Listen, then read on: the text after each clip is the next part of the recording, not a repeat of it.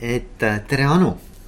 tere et mm -hmm. ma tahan kõigepealt tänada sind, et sa võtsid selle aja minuga kohtumiseks, et ma tean, et me oleme siin seda aega püüdnud varasemalt ka leida, aga sa oled ise tegelikult ju Eestist enamuse aja ära, nii et, et nüüd siis jõulude ajal siin või pühade ajal, et, et aitäh sulle, et sa selle aja võtsid ei, mina olen hoopis tänulik, et sa kutsusid ja nagu ma ka alguses arvasin, siis ma arvasin, et sa ajasid kindlasti minu õega sassi, kes on tuntud juhtimisguru Eestis, aga suur tänu, et sa huvi tundsid. jaa, aga su õega ma olen ka ju rääkinud tegelikult, eks ju, et mm. jah, et, et kui keegi tahab seda tagantjärgi kuulata, siis see on täitsa olemas. aga sina mm., täna räägime sinust, eks ju. et mina võin öelda seda, et, et kui ma olin veel äh, psühholoogia tudeng kunagi ammu, siis ma mäletan, et ma ikkagi ka sinu nime vilksamisi siit ja sealt nägin mm.. et, et selles mõttes nagu sa ei ole nagu minu jaoks äh, uus inimene või uus nimi. et, et sa oled äh, päris äh, pikka aega ikkagi ju psühholoogia valdkonnas äh, olnud äh, tegev ja, jah. ma olen Tartu Ülikoolis olnud aastast, pikast kolmkümmend aastat ma läksin õppima äh, kaheksakümne üheksandal aastal ja siis ma kõigepealt õppisin sotsioloogiat neli aastat, nii et tegelikult ma olen hariduselt, no ma esimeselt hariduselt olen uhkusega äh, sotsioloog ja tegelikult see väljendub ka nendes uurimisteemades ja mitte ainult uurimisteemades, ka üldistes eluhuvides, mis mulle siiamaani huvi pakuvad, et see on alati natukene rohkem kui lihtsalt äh, psühholoogia, et või on see rohkem selline nii-öelda sotsiaalteaduslikum perspektiiv, mille ma kindlasti sain tänu nendele sotsioloogiaõpingutele mm.. ja siis ma tegin Tartu Ülikoolis magistrikraadi psühholoogias ja doktorikraadi psühholoogias ning seejärel ma töötasin tegelikult ja mitukümmend aastat äh, Tartu Ülikooli psühholoogiaosakonnas instituudis erinevatel ametikohtadel, olles siis kõige lõpus ähm, Tartu Ülikooli isiksuse ja sotsiaalpsühholoogia professor kuni selle aasta augustini. Ja, ja, ja nüüd oled sa olnud, me just rääkisime siia mhm. tulles, et, et sa oled olnud neli aastat äh, Eestist, noh, mitte küll kogu aeg, aga mm, -hmm. aga suur osa ära. Warwicki ülikoolis. et jah, ma olen nüüd ära olnud tegelikult juba vist viis ja pool, et ah. nagu ikka asjad juhtuvad, et ähm, et alguses pidime minema ainult üheks aastaks ja läksime Hollandisse, sest ma sain äh, Ähm, sellise väga väärika stipendiumi ähm, olla üks aasta Hollandis, Hollandi kuninglikus äh, edasi jõudnud uuringute instituudis nii-öelda, see on selline teadlastele, teadlaste puhkekodu, kus äh, põhimõtteliselt luuakse sulle nagu sellised puhkekodu jutumärkides, kus luuakse sulle intellektuaalselt stimuleerivad tingimused selleks, et tegelikult vabastada sind kõikidest nendest administratiivsetest ja muudest argielu muredest, õpetamisest, kus sa saad siis tegelikult nagu pühenduda oma teadustöö tegemisele. nii et me läksime alguses ainult üheks aastaks ja üheksa, ühest aastast Hollandis tuli välja poolteist ja sealt edasi Inglismaale, nii et kokku ma olen jah ära olnud nüüd viis ja pool aastat ja olen professor Warwicki ülikoolis Inglismaal mm. -hmm. aga seal, kas seal on ka mm -hmm. nagu professuur mingisuguse kindla sellise suunitlusega või, või? Äh, pigem mitte, võib-olla, aga enamasti ei ole mm. -hmm. et mm, -hmm. et see Saksa süsteem, mis ka Eestis kehtib, on, on nii-öelda siis see, et see professuur on nagu teatud sellise nii-öelda sellise õppetooliga seotud. ja et, et need professuuride arv on olnud ajalooliselt nagu piiratud ja nende juurde tekitamisega tuleb põhjendada, aga aga ütleme, et siis Suurbritannias on see nagu selline loogiline karjäärimudeli osa, et sa alustad siis sellelt kõige peale doktorikraadi saamist, oled järeldoktorantuuri ära teinud, siis inimeste esimene töökoht, kui nad tahavad akadeemias jätkata, ongi siis nagu selline assistant professor, see on katseajaga ja see on siis viis aastat. Ja kui sa selle katseaja edukalt läbid, seal nagu põhimõtteliselt pead selle viie aasta perioodi lõpuks siis näitama oma publikatsioone ja õpetamiskogemust ja kui sa oled selle mhm. edukalt läbinud, siis äh, põhimõtteliselt äh, on sul eluaegne leping mm. -hmm. mis muidugi ei tähenda, et inimesed ei liigu, inimesed liiguvad kogu aeg ühest ülikoolist teise, aga põhimõtteliselt on sul eluaegne leping. Äh, see tase on siis nagu meie mõttes dotsendi tase või associate professor ja siis sealt see järgmine hüpe on siis see, mida tegelikult on väga-väga raske teha, et seda täisprofessuuri saada on keeruline mm, -hmm. nõudmised on väga-väga kõrged, sest ülikoolid on väga head, muidugi paremates ülikoolides, mida parem ülikool, seda kõrgemad nõudmised. nii et, et väga enamik läbib selle esimese katseaja ja siis nad jäävad sinna pikaks ajaks, sinna sellele keskmisele keskmisele astmele, enne kust siis, ennem kus, kui siis õnnestub üles liikuda sellele kõige, kõige suuremale või kõige kõrgemale professuuri, täisprofessuuri Mm, tasemele mhm, mhm. ja, ja sinu mm., ütleme selline valdkond, noh, ma, ma ise siin ennem nimetasin, et Mhm. oli, üks on noh, selgelt, eks ole, isiksus mm. -hmm.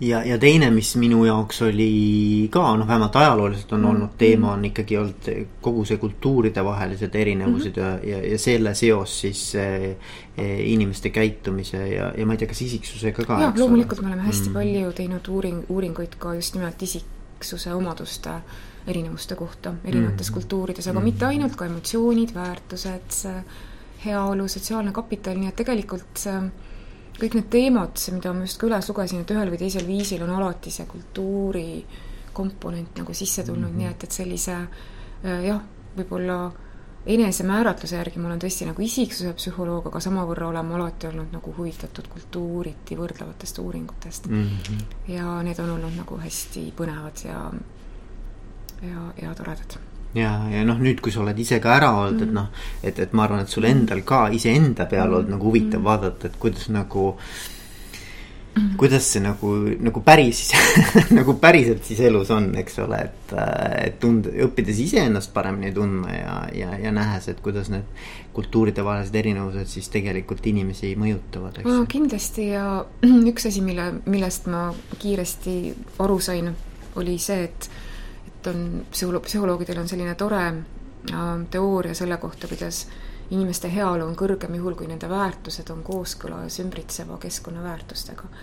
et see on selline nii-öelda siis nagu sellise inimese ja keskkonna sobivuse hüpotees.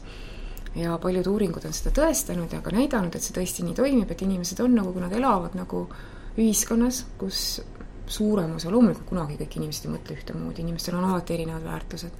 Erinevatel gruppidel ühiskonnas on erinevad väärtused ja arusaamad sellest, mis on hea ja mis on halb. aga noh, me ikkagi saame niimoodi üldpildis lõpuks generaliseerida, et on nagu mingisugused väärtused, mida peetakse olulisemaks kui teisi niimoodi üldistatult võttes.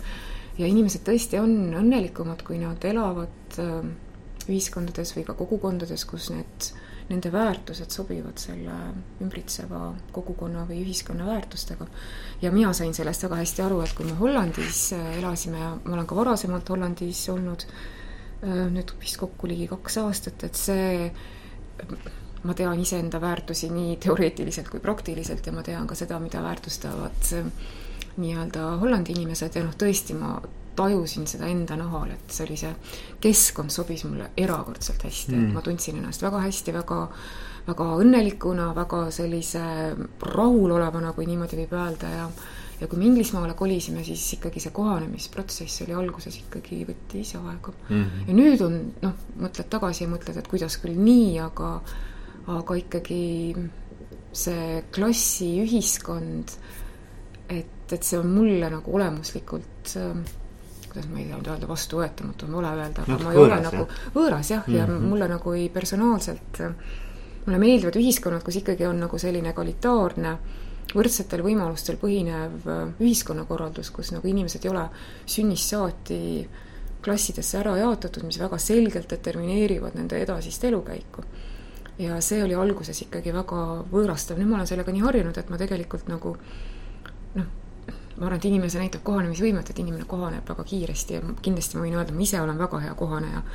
et võib-olla kõik ei kohaneks, aga, aga see ei häiri enam, aga kindlasti see oli nagu selline protsess, mis tuli läbi teha mm. -hmm. ja, ja, ja. aga noh, samamoodi, eks ole, nüüd võibki, no me võimegi nagu vaikselt liikuda siis sellise nagu organisatsiooni ja juhtimise mm -hmm. temaatika peale.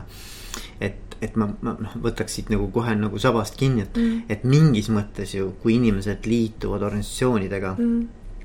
siis organisatsioonides valitseb ka mingi teatav selline oma väärtuste sihuke hierarhia, eks ju mm. Noh, nimetame seda siis organisatsiooni kultuurist mm, -hmm. kultuuriks ja, ja siis kas, kas inimene nii-öelda nagu iseenda isiklike väärtushinnangutega nagu sobitub sinna või noh, kui mm -hmm, hästi ta sobitub, eks ole. et ilmselt sellest oleneb nüüd väga paljuski noh, tema siis nagu sa ütlesid, et sihuke mm -hmm. nagu subjektiivne mm -hmm. heaolu mm. -hmm. aga teiselt poolt ka, eks ole, et, et äh, kuivõrd kerge tal on hakkama saada või nagu, nagu tulemuslikkus, eks ole. ei, täiesti kindlalt, ma arvan, et see et see, mida ma kirjeldasin nagu nii-öelda ühiskonna või kogukonna tasandil, ma arvan, et see kehtib äh, organisatsiooni tasandil täpselt samamoodi, mis muidugi ei ütle, et inimesed ei, ei saa nagu muutuda, ma arvan, et inimestel on siiski nagu võimalik äh, ka, ka väärtused muutuvad, kui teatud tingimustel, aga kindlasti see protsess on palju-palju keerulisem, see on palju piinarikkam mitte ainult sellele inimesele, vaid ka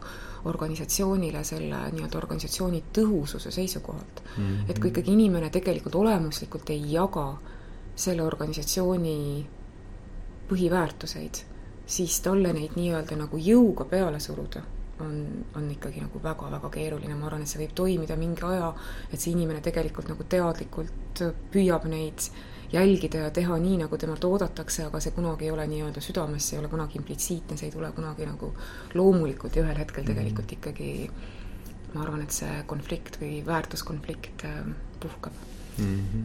nojah, seal on huvit-, huvitav on nagu siin on nii mitu küsimust, mida võiks küsida, et, mhm. et üks pool on see, et, et kui, kas, kas see nagu saab nagu rääkida nagu organisatsioonikultuuri tugevusest või intensiivsusest või, või on see ikka pigem niimoodi, et või selgusest näiteks. et, et, et nagu, kui sa lähed ükskõik millisesse mm. meeskonda mm et niikuinii mingisugune kultuur seal on, eks ju mm,. kindlasti. nüüd küsimus on, et kas need inimesed nagu teadlikult ka ise annavad aru, et vot, et need on need asjad, mismoodi noh, meie käitume või, või et mille järgi meie nagu joondume, et, et mis asjad meid siis nii-öelda.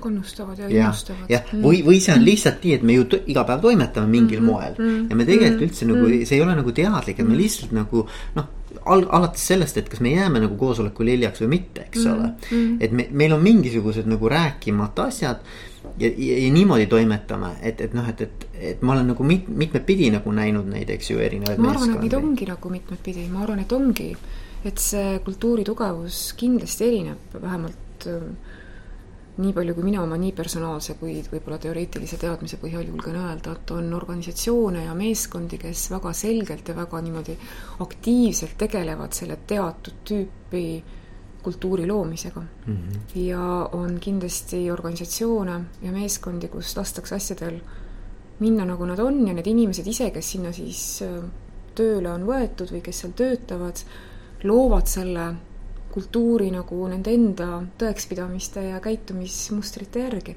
ja noh, loomulikult kolmas oluline tegur on ikkagi selle meeskonna või organisatsiooni juht, eks ole et milline on nagu see tema, tema roll ja kuivõrd nagu sellise mis on see tema nägemus sellest, kuidas see meeskond või organisatsioon peaks toimima. nii et ma arvan, et need ongi, et see ei ole selline kas on nii või on naa, vaid, vaid pigem ongi ilmselt väga palju neid erinevaid variante ja ma arvan, et kui seda organisatsiooni kultuuri püütakse nagu mingil viisil tekitada, siis on see enamasti ikkagi väga teadlik otsus ja mm. ja seda ikkagi püütakse sellisel juhul ka ülevalt poolt, enamasti ülevalt poolt alla väga selgelt nagu nendele inimestele nagu teada anda või neid nii-öelda siis nagu seda reinforce ida nii-öelda, eks ole. täpselt, et see on mm-hmm. see, et, et me oleme eetiline näiteks, et me oleme eetiline organisatsioon või et või et me oleme nüüd siis äh, keskkonnasäästlik ja see peaks siis väljenduma mitte lihtsalt selles, et me paneme noh, plakati välja, et, et säästame keskkonda, eks ole, et panete siia endale sildi üles, vaid noh, see peaks ikka olema siis selle tulemuslikkus näiteks see, et tõepoolest, et ühtegi papptopsikut ei ole enam siin serva peal, eks ole, et pabereid tegelikult välja ei trükita, sest kõik on ju alati võimalik nagu elektroonselt vaadata mm. -hmm. et äh, prügikasti asemel on nagu ühe prügikasti asemel on alati kolm prügikasti, käterätikupaberit enam WC-s ei ole, vaid et on nagu rohkem ökonoomsemad, et ühesõnaga see peakski siis sellisel juhul, see on edukas juhul, kui see nagu väljendub kõigis nendes erinevates äh, tegevustes ja, ja, ja seda toetavad siis tegelikult kas pealesurutult või siis ühel hetkel loodetavasti ka nagu juba sisemise jõuga ka kõik need valdav osa inimesi, kes selles meeskonnas töötavad mm. -hmm. nii et väärtus ei saa olla lihtsalt nagu sõnakõlks, sest sellisel -hmm. juhul ta ei jõua mitte kuskile, ta peab ikkagi nagu tulema läbi nende erinevate erinevate tegevuste, mis tegelikult siis nagu näitavad, et tõepoolest me peame keskkonnasäästlikkust oluliseks, ei lenda liiga palju, kui ei pea lendama ja lähme rongiga, eks ole, et noh, mm. seal on nagu neid mm -hmm et on nagu, et see, mida sa teed, see ongi mm -hmm. nagu kultuur tegelikult, eks ja, ole. täpselt, sa ju lõpuks selle läbi selle ju teedki, aga seda ikkagi, seda peaks kannustama mingisugune ja enamasti ka ju nagu kannustab mingisugune idee, et, et või nägemus sellest, et et kes me tahame nagu olla või millised me tahame mm -hmm. olla, et Mm, ja neid variante on ju väga palju ja see sõltub sellest organisatsiooni profiilist, see sõltub sellest tegevusvaldkonnast ja seda nagu seda on nagu palju erinevaid võimalusi mm -hmm.. noh, ma mõtlen siin ka seda, et, et, et rääkisime siin ennem näiteks sellest mm -hmm. klassikalisest Hofstede mm -hmm. uuringust, eks ole, mis on sihuke ka kultuuridevaheline mm -hmm. uuring. see oli vist IBM-i põhjal kunagi ja, tehtud, ta oli kuuskümmend kaheksa kuni seitsekümmend kaks põhimõtteliselt, et äh, noor Gerd Hofstede, ta on nüüd juba ma arvan, et üheksakümnendate eluaastate alguses, et mul on mm -hmm. õnnestunud temaga mitmeid kordi kohtuda ja ta on ka Tartu Ülikooli audoktor, mis on hästi tore uh. -huh. nii et tal on Eestiga väga sellised tõsised äh, tihedad sidemed, aga siis jah, ta tegelikult äh, nagu ka otsis oma teed väga pikka aega, et ta oli insener oma hariduselt ja siis nagu alles peale seda äh, nagu tekkis huvi selliste sotsiaalteaduslike organisatsiooni kultuuri teemade vastu, nii et ta töötas tõesti, ta töötas ise IBM-is. ja talle anti nagu ülesandeks tegelikult uurida IBM-i töötajate rahulolu nii et see oli selline, noh, IBM, kujutage ette, kuuekümnendate aastate lõpus oli ju täiesti uskumatu, et see oli ikkagi üks väga väheseid nii globaalse haardega rahvusvahelisi korporatsioone. nii et see andmestik alguses nelikümmend riiki ja hiljem siis veel erinevad piirkonnad ja riigid, mis tekkisid juurde, et või noh, kust õnnestus andmeid koguda. et jah, et see oli ka väga eepiline eepiline uurimus ja, ja sealt siis tulid need neli kuulsat äh, väärtusmõõdet ja hiljem siis on ta erinevate uurijatega koostöös lisanud veel viienda ja kuuenda, nii et on siis individualism, kollektivism, võimukaugus, maskuliinsus, feminiinsus, ebakindluse vältimine, siis on selline Hiina väärtustel põhinev dimensioon, pikaajalisus, lühiajalisus või nagu selline, et kuidas sa perspektiivi sead, et kas nagu see mhm. kohene mm -hmm. või pigem nagu selline kaugemale tulevikku vaatab mm -hmm. ja kuues on siis see ma ei tea, kuidas seda eesti keelde tõlkida, aga see on nagu sellistele naudingutele ja ja, ja, ja sellisele nagu elu nautimisele see on nagu mingi hedonismi teema või? ta on nagu natukene jah, selline, sest ma tean, et Eesti näiteks skoorib sellel nagu ülimadalalt nagu paljud ka teised need nagu ah, meil, meil, meil on nagu väike hedonismi tase. või noh, jah, et, et ta nagu on kindlasti kasvanud, aga võrreldes selline sellise muu Euroopaga. kas see on midagi sellist, ma püüan aru saada, et kas see on mhm. midagi sellist, et noh, et, et kas ma oskan nagu seda tegevust nautida indulgence on see nagu indulgence on nagu see, kuidas ta, kuidas ta tuleb nagu inglise keeles. okei okay,, et kas ma luban endale nagu ja, midagi? täpselt, see on nagu selline, et selline endale lubamine, endale nagu täpselt, et kas selliste naudingute, hüvede Ru-, rõõmu ja rõõmu lubamine, heaolu täpselt, heaolu lubamine, -hmm, et mm -hmm no eestlased selles, ma arvan, ei ole väga head, eks ole. selles ei skoori jah väga kõrgelt, et need on siiamaani jaa, aga tulles selle juurde, et uskumatu on see, et eks ole, mis nüüd on viiskümmend aastat möödas ja, ja tegelikult valim oli ikkagi ju suhteliselt väike ja väärtused olid tööga seotud üldse mitte ühiskonnaga või globaalselt ja see, et ta tegelikult seal tegi igasuguseid statistilisi trikke selleks, et need dimensioonid välja tuleksid, sest ega see ei olnud see, et nüüd Gerd Hofstede oleks vaadanud andmetele peale ja öelnud, et imeline, need mm -hmm. neli dimensiooni kerkisid välja, et ta ikka nagu ta ikka väänas neid andmeid äh, ikka ja, omajagu mhm, selleks, et mm -hmm. need dimensioonid sellisel viisil tuleksid, sest tal oli väga tugev teoreetiline nagu selline noh, nägemus, et need tegelikult võiksid olla olulised ja ta ikka nagu viis selle ellu, et seda on kritiseeritud palju, aga kokkuvõttes noh, uskumatu mõjuga ja ja siiamaani kasutatavad ühel või teisel viisil ja väga noh, Hofstede on ise hästi palju koos oma pojaga ja kõigi nende kaastöölistega nagu teinud ka selle edasiarendamiseks nagu väga palju tööd, et kõik need veebilehed, kus on võimalik erinevate riikide profiile vaadata ja vaimustavad videoklipid selle kohta, mida miski täpselt tähendab ja kuidas seda mõista, et et ta on nagu väga head sellist turundustööd teinud nendele dimensioonidele mm. -hmm. nojah, et ma, ma arvan, need on nagu ajatud, eks ju mm -hmm., noh, selles mõttes no... ega, ega siis samade selliste kultuuridimensioonide järgi on mm -hmm. võimalik eh, eh, ma arvan ka kahekümne aasta pärast. Eh, ja ta ei ole ju selles mõttes, kui me võtame individualismi, kollektivismi, mis oli nagu see kõige popim dimensioon neist mm -hmm. ja mis nagu algatas terve liikumise kultuuriti võrdlevas äh, psühholoogias. et noh, see ei ole ju mingisugune nagu äh, tuhande üheksasaja seitsmekümnendate aastate küsimus, et see on see inimese ja grupi, eks ole, inimese ja ühiskonna noh, me võime nagu põhimõtteliselt tõepoolest nagu Vana-Kreeka filosoofidelt äh, nagu näha juba, need on sellised ajatud filosoofilised, poliitfilosoofilised küsimused, eks ole, et kumb on olulisem, kas inimene teenib ühiskonda, kas ühiskond teenib inimest, eks ole, et see inimese suhe nende inimestega, kes tema ümber on, et, et see grupi ülemuslikkus versus indiviidi autonoomia, et noh, tegelikult see on selline nagu ajatu mm, -hmm. nagu selline nagu üks nendest mm -hmm. inimühiskonna nagu olemuslikest dimensioonidest, mis nagu noh, mida ei ole võimalik ignoreerida lihtsalt, et Hofstede tõi ta uuesti kuidagi nagu niimoodi nagu sellesse rambivalgusesse, aga noh, see idee ja need arutelud on olnud nagu viimased paar tuhat või kauemgi aastat mm. -hmm. ja noh, seal ei ole õiget ega valet, eks ole, see lihtsalt on niimoodi mm. ja see muutub ajas, ma see arvan ka, eks ole. erinevatel kultuuridel ongi erinevalt ja, ja, ja me näeme ka nagu nii-öelda ühe kultuuri sees muutust, et kuidas ongi täpselt see inimese ja grupi dünaamika, et kuidas siis näiteks Jaapanit tuuakse ühe selle näitena kus tõepoolest sellest ekstreemsest kollektivismist, kus ikkagi nagu oli väga-väga kõrge võimukaigusega väga kollektivistlik ühiskond, kus tegelikult selle üksikisiku nagu selline autonoomia oli ikkagi väga suures osas allutatud grupi huvidele. et noh, tegelikult ikkagi Jaapan on nagu väga palju muutunud äh, individualistlikumaks, ütleme ka sõna otseses mõttes viimase nagu viiekümne, kuuekümne aasta jooksul et, et seda dünaamikat me näeme nii erinevates riikides kui ka siis nagu läbi, läbi aja ja noh, tõenäoliselt seesama käib ka teiste kultuuri mõõtmete kohta mm. -hmm. et nad ei ole nagu kivisse raiutud mm. -hmm. et äh, globaliseerumine, ühiskondlik areng, jõukuse kasv, mis on tegelikult kohutavalt oluline ja mis käib käsikäes individualismi tõusuga, me noh, kumb tuleb nüüd esimesena, tõenäoliselt ikkagi nagu see et nad on väga-väga tugevalt seotud, eks ole, et aga ei ole ju piisavalt äh, häid andmeid, et nüüd öelda, et tõepoolest see ma ei tea, nüüd see individualistlik mõtteviis on nüüd viinud selle ühiskonna, eks ole, selle jõukuseni, et, et kumb nüüd kumba, kumb on kumba põhjus, aga noh, käsikäes nad käivad ja selge on see, et ühiskonna jõukuse kasvades teatud sellised postmodernistlikud väärtused nagu kerkivad esile ja see on väga hästi dokumenteeritud erinevate maailma ja Euroopa väärtuste uuringute läbi näiteks.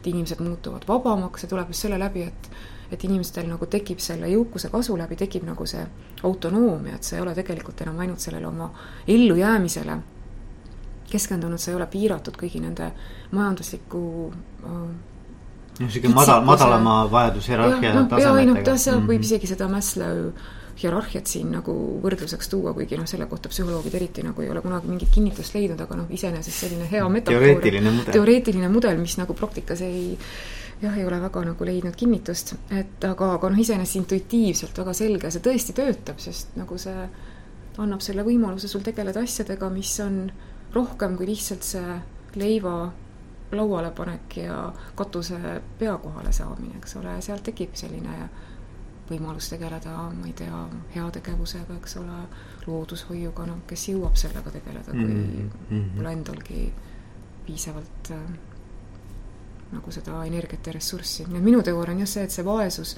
tegelikult majanduslik vaesus ka tänapäeva ühiskonnas, ma olen nagu sageli mõelnud, kui ma olen liikunud ka Inglismaal nendes noh, linnaosades me näeme Inglismaal ka nagu väga suurt kontrasti nende nii-öelda siis jõukate, ka ühes linnas võib olla nii, et, et on nagu väga-väga uhke, erakordselt eksklusiivne nagu linnaosa või piirkond ja siis ma ei tea, kilomeeter teisele poole on sul nagu selline noh, ikkagi nagu väga vaesel järjel elavad inimesed mm. -hmm. ja siis sa näed ka seda, et neil ei ole nagu seda, et aiad on nagu hoolitsemata, isegi on murulapike, see muru on nagu niitmata ja mis ei võta ju tegelikult nagu otseselt seda rahalist ressurssi, et noh, küll ikka saab kamba peale selle muruniiduki soetatud, eks ole.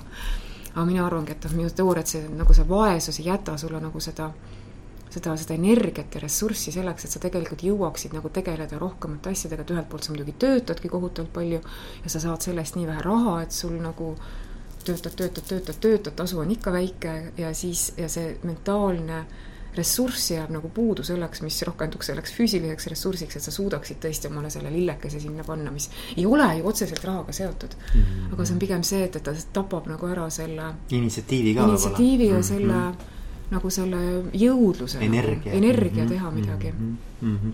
aga tead, mis mulle praegu nagu turgatus, ma kuulasin mm -hmm. sind et mul, mul nagu tekkis see mõte, et kui me võtame need Hofstede need erinevad mm -hmm, dimensioonid mm, -hmm. et, et noh, mis nagu tänapäeval, eks ju, niisugused nagu noh, ma julgen öelda nagu tre, mhm. trend -hmm. trendikad asjad on, eks ju, et need, kui me räägime meeskondadest ja juhtimisest, siis on nagu usalduse teema mm. -hmm, hästi suur. et ma arvan, see on nagu suur teema, eks ju mm -hmm,, usaldus mm. -hmm. ja kui ma nüüd võtan näiteks, et võtame kasvõi selle individualismi ja kollektivismi või võtame mm -hmm. selle power distance'i või selle noh, võimu mm, -hmm. võimu kauguse mm, -hmm. eks ju.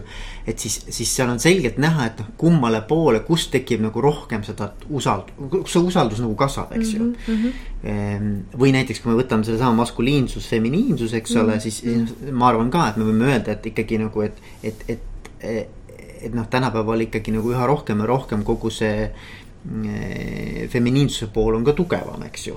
no sõltub ikkagi, mis, no kindlasti jah, aga ikkagi väga erinevas astmes, ma julgeks ikkagi öelda, et mm -hmm. see on ühiskonnad või riigid äh, ka Euroopas, kui rääkida Euroopast, võib-olla on nagu lähemal ja kuidagi intuitiivselt mõistetavam, et me näeme ikka väga suuri erinevusi mm. -hmm. aga noh, ma mõtlen nagu ja. praegu, et noh, et kui me räägime mingitest mm -hmm. nagu sellistest aspirational mm -hmm. nagu values, et mm -hmm. siis noh, mhm. ma julgen öelda, et, et ikkagi tahetakse sellist äh, rohkem tuua sisse rohkem sellist feminiinset poolt ka organisatsioonidesse arvad, et EKRE toetajad tahaksid siis? ei, ma ei räägi EKRE-st üldse, ma ei taha sinna, ma ei taha üldse minna.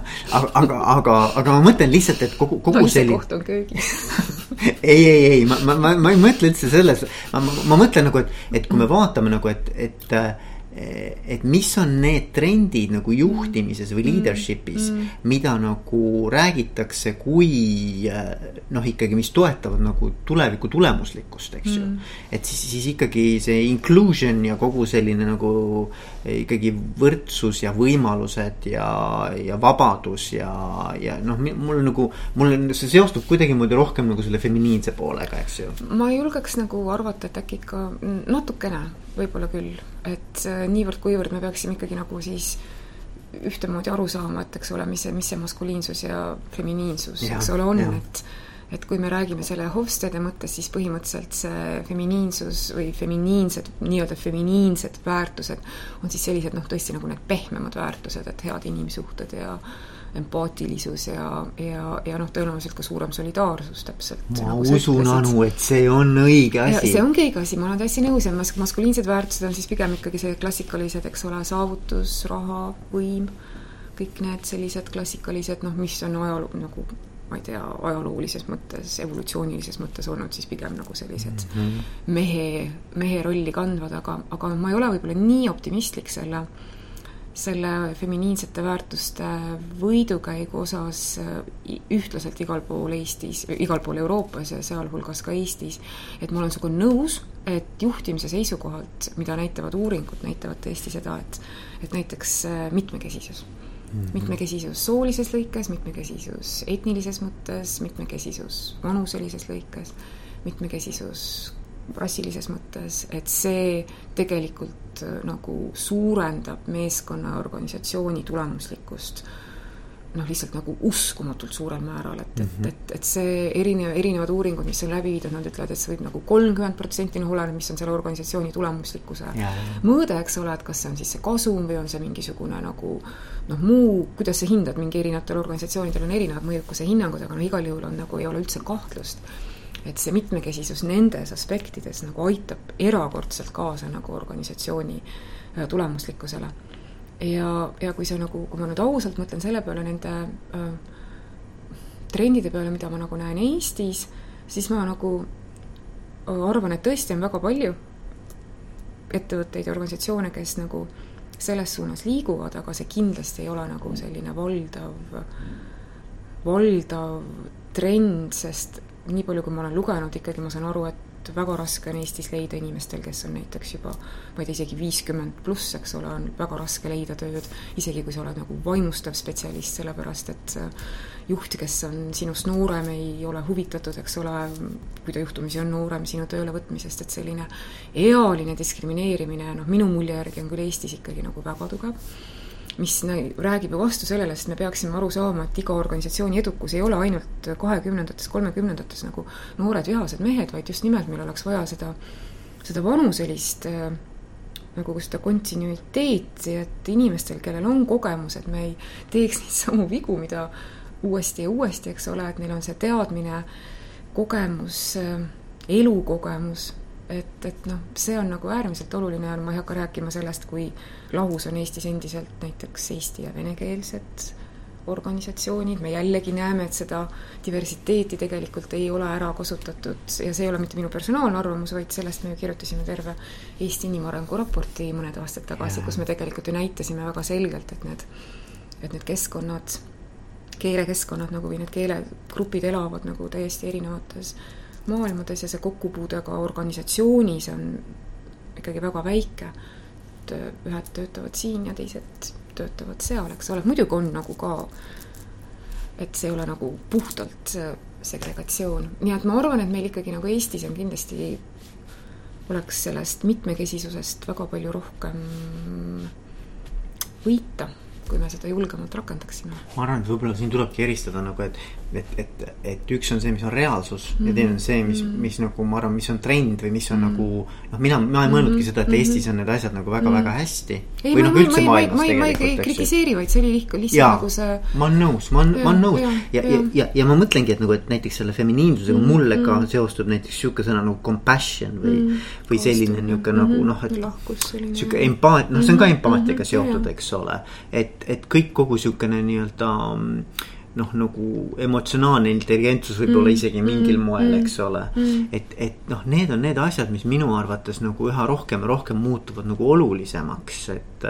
ja, ja kõik saavad, noh, mitte kõik, aga mm, ütleme, et, et mm., et, et see kirjandus ja kogu see nii-öelda trendi loomine nagu käib nende nähtuste või kontseptsioonide ei, ma sellega olen täiesti nõus ja see ju haakub ka selle nii-öelda selle autentse juhtimise teemaga mm -hmm. väga hästi ja mm -hmm. see tegelikult noh, et, et sa tegelikult juhid nagu, et sa leiad endas kõigepealt need omadused, mida sa just nagu kirjeldasid ja ja siis sa suudad neid nagu võimendada ja siis sa läbi kõigi nende nii-öelda nende omaduste, nende positiivsete omaduste nagu selle võimendamise läbi sa tegelikult siis nagu noh, nii-öelda juhid seda oma meeskonda, et, et need on noh, ma arvan, et see ka toimib tegelikult ja vähemalt on tore, et on see aspiratsioon selles suunas. aga lihtsalt ma arvan, et meil on nagu veel pikk tee minna. ja ei, ma olen nõus ja sellepärast me räägimegi. just, just. sellepärast me Anu räägimegi, sest et noh, et, et ma arvan, et mm. üks asi on mm. nagu, kõik saab alguse sellest, et teadlikkus mm.. Mm. ei, absoluutselt. et, et, et noh, et üks, üks mõte, mis mul oli veel, oli see, et mm et, et kui meil on kuulajad, eks ju,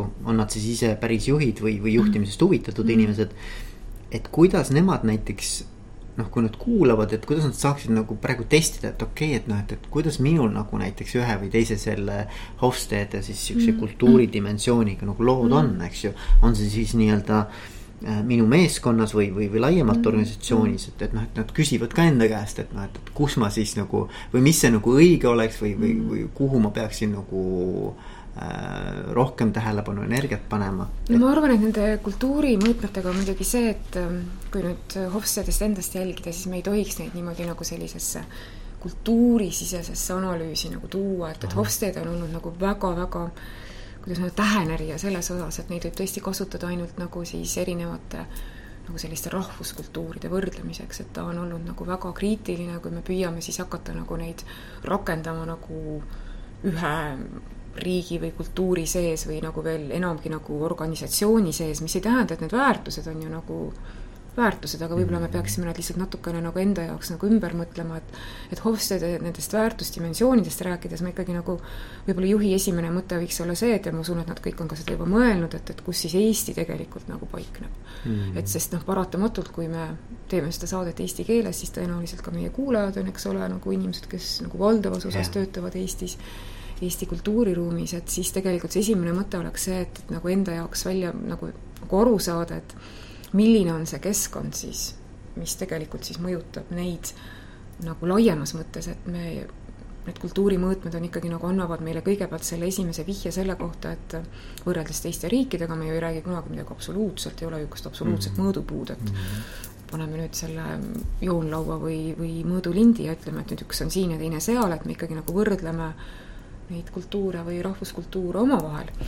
ja siis võib-olla oleks ka aru saada selles, et mis on selline üldine kultuurikeskkond, milles siis see organisatsioon Eestis opereerib, et Hofstede puhul me teame, et noh, Hofstede ütleb, et me oleme selline noh, individualismi, kollektivismi poole pealt selline no pigem individualistlik, aga noh, mitte nagu üliindividualistlik. maskuliinsuse, feminiinsuse poole pealt Hofstede on meid ja need andmed on ju ka väga sellised kuidas nüüd öelda Eesti kohta sellised subjektiivsed, et me peame alati natuke väikese sellise kriitika ja reservatsiooniga -hmm. suhtuma, et, et, et paljuski tuginevad inimeste personaalsetel arusaamadel ja sellistel noh, võib-olla mitte kõige esinduslikumatel valimitel, nii et selles mõttes äh, Hofstede järgi näiteks oleme me üsna juba, olime juba kümmekond aastat tagasi üsna selline nii-öelda feministlikke väärtusi toetav kultuur, mille suhtes nagu ka saalis olijad nagu teda provotseerisid ja ütlesid, et noh, et, et kust nagu see kust teil see arvamus tuleb, eks ole, et, et mhm. vaadake neid kiireid autosid, vaadake seda edukultust, vaadake mm -hmm. seda raha olulisust, eks ole, et inimestel ei ole nagu et, et kuidas, kuidas see tuleb ja siis Hofstede vastus oli, et aga et ükski maskuliinne noh, tõsiselt maskuliinne kultuur ei paneks oma linna peaväljakule suudlevate tudengite kuju, et seal oleks mingi kindral hobuse seljas no,. Okay, okay. hea vastus see oli hea vastus, eks ole. aga noh, ütleme niimoodi, et mm,, et, et ma noh, subjektiivselt ütleks, et võib-olla tõesti seal noh, ei ole päris machokultuur, aga noh, ega ikkagi nagu ikkagi jälle seal kuskil vahepeal, eks ole, et, et noh, et, et kõigi nende teiste dimensioonidega me samamoodi juba siin rääkisime sellest äh, endale lubamise või sellise indulgence'i ja endale naudingute lubamise, et, et ühesõnaga, et, et, et see on ilmselt see esimene asi, millest mm -hmm. nagu aru saada, kuhu mm -hmm. Eesti paigutub nende Hofstede dimensioonide mõttes ja kuhu Eesti paigutub teiste riikidega võrreldes nendel Hofstede mõõtmetel ja siis võib-olla appi võtta see maailmaväärtuste kaart, et et vaadata nende teiste kultuurimõõtmete lõikes ja siis tekib see arusaam sellest, et me ei ole Põhjamaa, mille mm -hmm. suhtes ma olen täiesti veendunud mm. -hmm et meil on kindlasti mingid äh, jooned meie ühiskonnas ja me tahame ja me teemegi äh, teatud asju ja ka organisatsioonid teevad teatud asju väga selgelt viisil, nagu seda tehakse Põhjamaades, aga see põhjus seal taga või see loogika seal taga või see ideoloogia seal taga, miks seda tehakse, on fundamentaalselt erinev. nii et me nagu, me nagu, ilm on põhjamaine, lund sajab pime on, et nagu me näeme välja nagu Põhjamaa ja paljud jooned on samuti inimeste nagu selles ühiskondlikkus, aga nende see tagu, nagu see nii-öelda see, miks neid tehakse, on enamasti fundamentaalselt erinev. nii et, et siis tasubki saada aru, et hästi, et me nagu oleme nagu, natuke näeme välja nagu Põhjamaa, aga tegelikult ei ole nagu Põhjamaa. ja ma arvan, et sealt saab siis hakata nagu edasi harutama seda, et selleks oleks need kultuurimõõtmed nagu kasulikud, et mm -hmm. saada aru sellest Eesti üldisest kontekstist, Eesti inimeste üldisest meelelaadist, mille nad siis tegelikult ju sinna organisatsiooni kaasa toovad, mida see juht peab juhtima. ja, ma ise küll arvan nagu, et ma ei tea, noh, ma ei oska öelda jälle küsimuseks mm, -hmm. et, et, et et ühe riigi sees võivad mm. nagu organisatsioonikultuurid olla suurema erinevusega kui riikidevahelised äh, nagu kultuurid mm., noh, minu arvamus mm. aga see sõltub muidugi ka hästi palju, et noh, mm. ma ei, ei saa nagu kindlasti nagu vähendada seda rahvuslikku mm. komponenti, aga mm. ma arvan, et noh, näiteks et ikkagi, kui sa vaatad nagu erinevaid organisatsioone mm., seal on mm. toimetamisviisid ikka väga erinevad. kindlasti ja, ja loomulikult nii nagu me ütleme isiksusomaduste kohta, et tegelikult need inimestevahelised erinevused nende põhilistes isiksusomadustes on tegelikult sageli suuremad ühe kultuuri sees kui kultuurid mm, -hmm. kultuuride vahel mm. -hmm. aga noh, ma arvan ka, et võib-olla see Eesti puhul see konkreetne näide, mille sa tõid, et et noh, siin peab kindlasti jälgima ka seda, et kas tegemist on näiteks rahvusvaheliste organisatsioonidega või on tegemist nii-öelda kohalikul kapitalil või kohaliku, kohalikus omanduses olevate organisatsioonidega, et me näeme väga selgelt, kuidas erinevad rahvusvahelised organisatsioonid tegelikult ikkagi toovad siis selle noh, nii-öelda selle, selle, selle emakontori maakultuuri väga selgelt ja nad püüavad seda väga selgelt nagu implementeerida kohalikes oludes siis nii hästi kui halvasti see neil õnnestub, eks ole, et oleneb siis, kui suur see vastuolu on, eks ole, et et selle siinse kultuuri, organisatsiooni kultuuri ja siinse kultuuri suhtes tervikuna.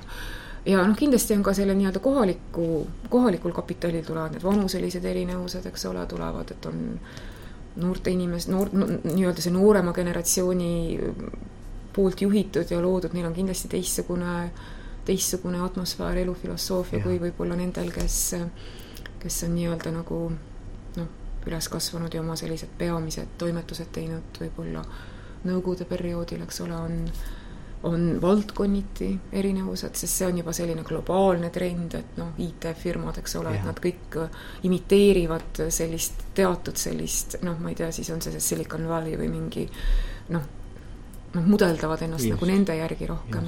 et selles mõttes ma olen sinuga nõus, aga ma arvan, et lõpptulemusena ikkagi me näeme seda kultuurispetsiifilist aspekti selles ikkagi ka ikka inimeste mm. käitumises, inimeste sellises hoiakutes mm, üsna palju. ja, ja aga, aga noh, huvitav on lihtsalt see, et, et äh, mis nagu võib-olla siis võiks mm -hmm. nagu jääda kõlama või noh, ma küsin mm -hmm. sinu käest, eks mhm. ju, et on see, et et ei ole seda ühte õiget sellist nagu setting ut, et noh, et vot kui mul on nüüd need asjad niimoodi, et siis ma olen edukas või. et need kultuuridimensioonid nagu mm -hmm. iseenesest tegelikult, et see ei ole nii, et ma fine tune in nüüd oma kultuuri täpselt nii ära. ja siis ma tean, et ma olen edukas, et, et seal on ikkagi tegelikult ikkagi väga, oleneb sellest äh, konkreetsest kontekstist ja. no ja... ma arvan, et kultuuridimensioone ei saagi niimoodi, me räägime ikkagi ju, kui me räägime kultuuri mõõtmetest, me räägime nagu millestki, mis on omane nagu valdavale osale sellele mm -hmm. nii-öelda noh, ma ei, ei taha nüüd kasutada neid kõiki sünonüümidena, et kultuur, ühiskond, sest need on kõik natukene erinevad mõisted ja me kasutame neid sageli nagu selliste sünonüümidega, no noh, põhimõtteliselt nad ikkagi nagu väljendavad selliseid üldisi trende kogu selles populatsioonis, milleks mm, -hmm. mida me siis nimetame, kas selleks kultuuriks või sageli võrdsustame riigiga, sest niimoodi on lihtsam, eks ole, et nende subkultuuri tasemel lihtsalt räägime kogu riigist.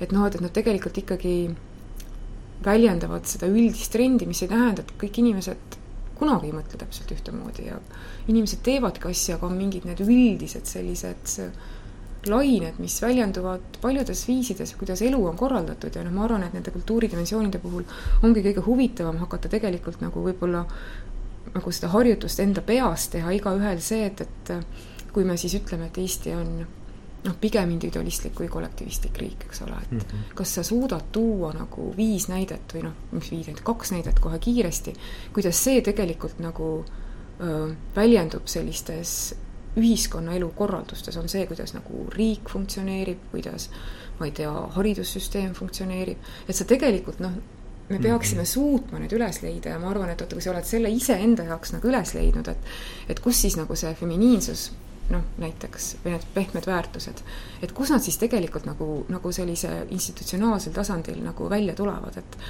et, et, et siis saab see, saab see nagu palju-palju selgemaks nende nagu selline kasutegur, et et mida nendega on peale hakata ja, ja kuna nad on sellised üldised trendid, siis neid ei ole ka võimalik sellisel viisil tuunida, et, et see noh, ma tean riike, kes on püüdnud nagu tõesti oma sellist väärtussüsteemi nagu niimoodi süstemaatiliselt noh, läbi väärtuskasvatuse ja selliste ka sellist suhtluskultuuri nagu muuta, aga see on nagu erakordselt keeruline, sest me teame, et see tegelikult toimub nagu selliste generatsioonide kaupa ja kui ei tule selliseid revolutsioonilisi muutusi, nagu näiteks Eesti taasiseseisvumine, kus nagu tõesti lööb nagu kõik nagu, nagu niimoodi pead-jalad ülespidi, et nagu kogu see eksisteeriv süsteem lüüakse nagu nii totaalselt segi, et ükski kivi ei jää nagu kivi peale et, et noh, siis tegelikult väärtused muutuvad aeglaselt põlvkondade vahetuse järgi ja noh, Eestis tuleb see väga selgelt ka välja, et see kõige noorem generatsioon, kes uuringutes on, et nad tõesti on nagu, on nagu erinevamad. ja noh, nad on erinevamad, kui on meie generatsioon või on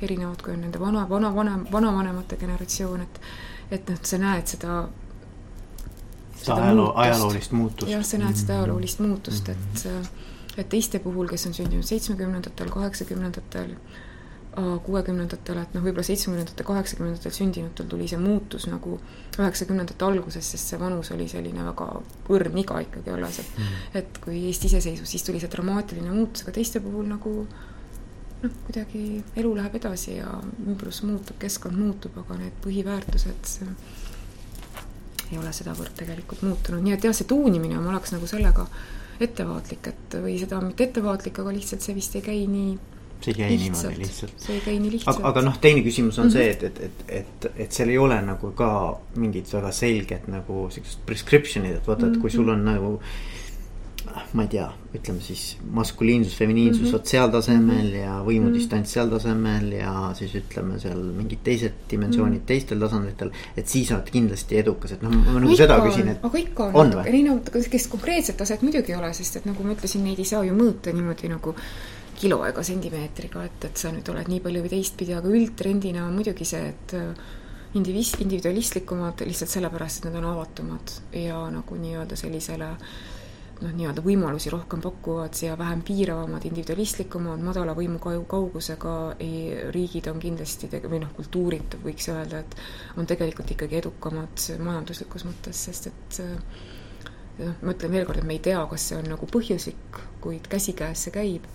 Ja sa ennem rääkisid usaldusest ja me teame ka seda väga hästi näiteks, et usaldus, üldine usaldus teiste inimeste vastu, mis on nagu tegelikult see liim mis ühiskonna kokku seab, eks ole mm, -hmm. et, et me ei usalda ainult nagu oma seda lähiperekonda või, või sellist väga väikest ennast ümbritsevat kogukonda, vaid et noh, tegelikult noh, me usaldame, üldiselt arvame, et inimesed on head ja, ja ausad, eks ole mm, -hmm. et, et see, et see veendumus äh, on nagu äärmiselt, äärmiselt tugevalt seotud jällegi individualismiga, sest see võib tunduda nagu, see võib tunduda nagu alguses paradoksaalne, et kuidas saab siis olla niimoodi, et ühiskonnas, kus inimesed nagu hindavad sellist autonoomiat, sõltumatut, sõltumatust nagu unikaalsust, et, et kuidas siis on võimalik, et samal ajal nendes, nendes ühiskondades ja kultuurides on ka kõrgem üldise usalduse määr, aga tegelikult see nii-öelda selline padukollektivistlik ühiskond, kus tege-, inimesed on allutatud nagu oma sellele grupi survele ja grupi huvidele, siis tegelikult on väga raske sellest grupist väljapoole ka nagu usaldada kedagi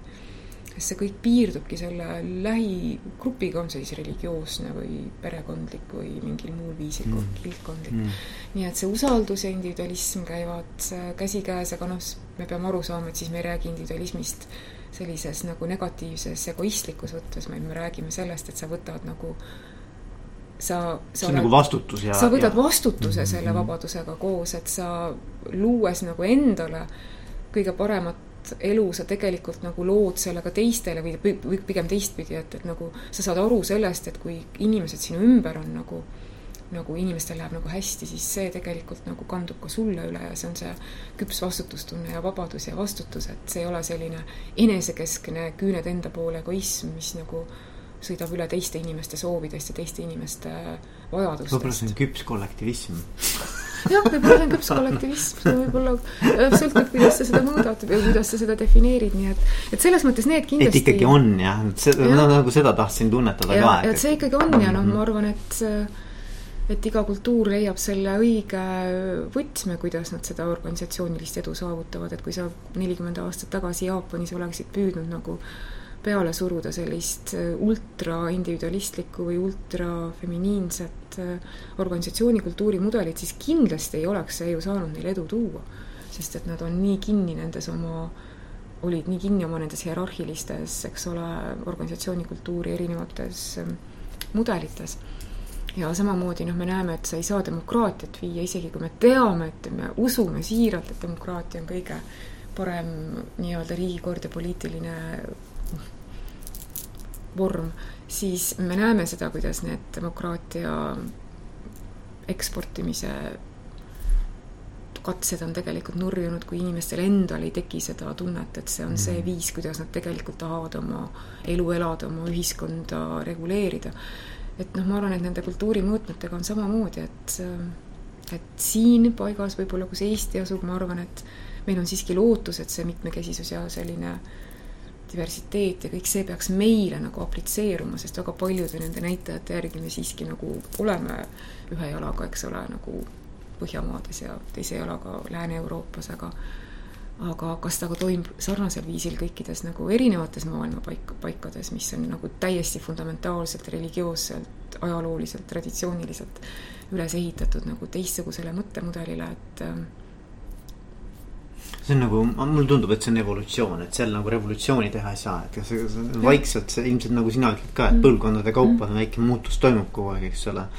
et aga, et noh, et, et seda ei, niimoodi noh, nagu teadlikult juhtida ühe mm. mingi kindla sellise suunitlusega ja lühi, lühiajaliselt ilmselt on väga raske. aga ma arvan, et organisatsiooni kultuur ikkagi on nagu lihtsam nagu selles mõttes, et kui ikkagi juhil on väga selge nägemus selles, et et milline on need siis tõesti sellised hoolivus ja kaastunne ja empaatia lisaks kõigele muule, sest noh, äri tuleb ka teha väga paljudes organisatsioonides, eks ole, ja siis tuleb nagu kõiki neid teisi, kõiki neid teisi omadusi nagu tugevdada, aga ma arvan, et ikkagi on nagu võimalik selliste väikeste saarekestena, noh, ma kujutan ette, et kui ühtemoodi mõtlevad inimesed kokku saavad ja nad hakkavad niimoodi vaikselt, me ju näeme see kogukondlik liikumine Eestis näiteks ja me näeme ju, kuidas sellised saarekesed tekivad ja miks mitte ka näiteks organisatsioonide näol, et mina arvan, et paljud rahvusvahelised organisatsioonid, mis on, ka tulid üheksakümnendatel Eestisse ikkagi nagu väga palju õpetasid ja tõid selle teistsuguse organisatsioonikultuuri kaasa, millest hakkasid ka siis need kohalikud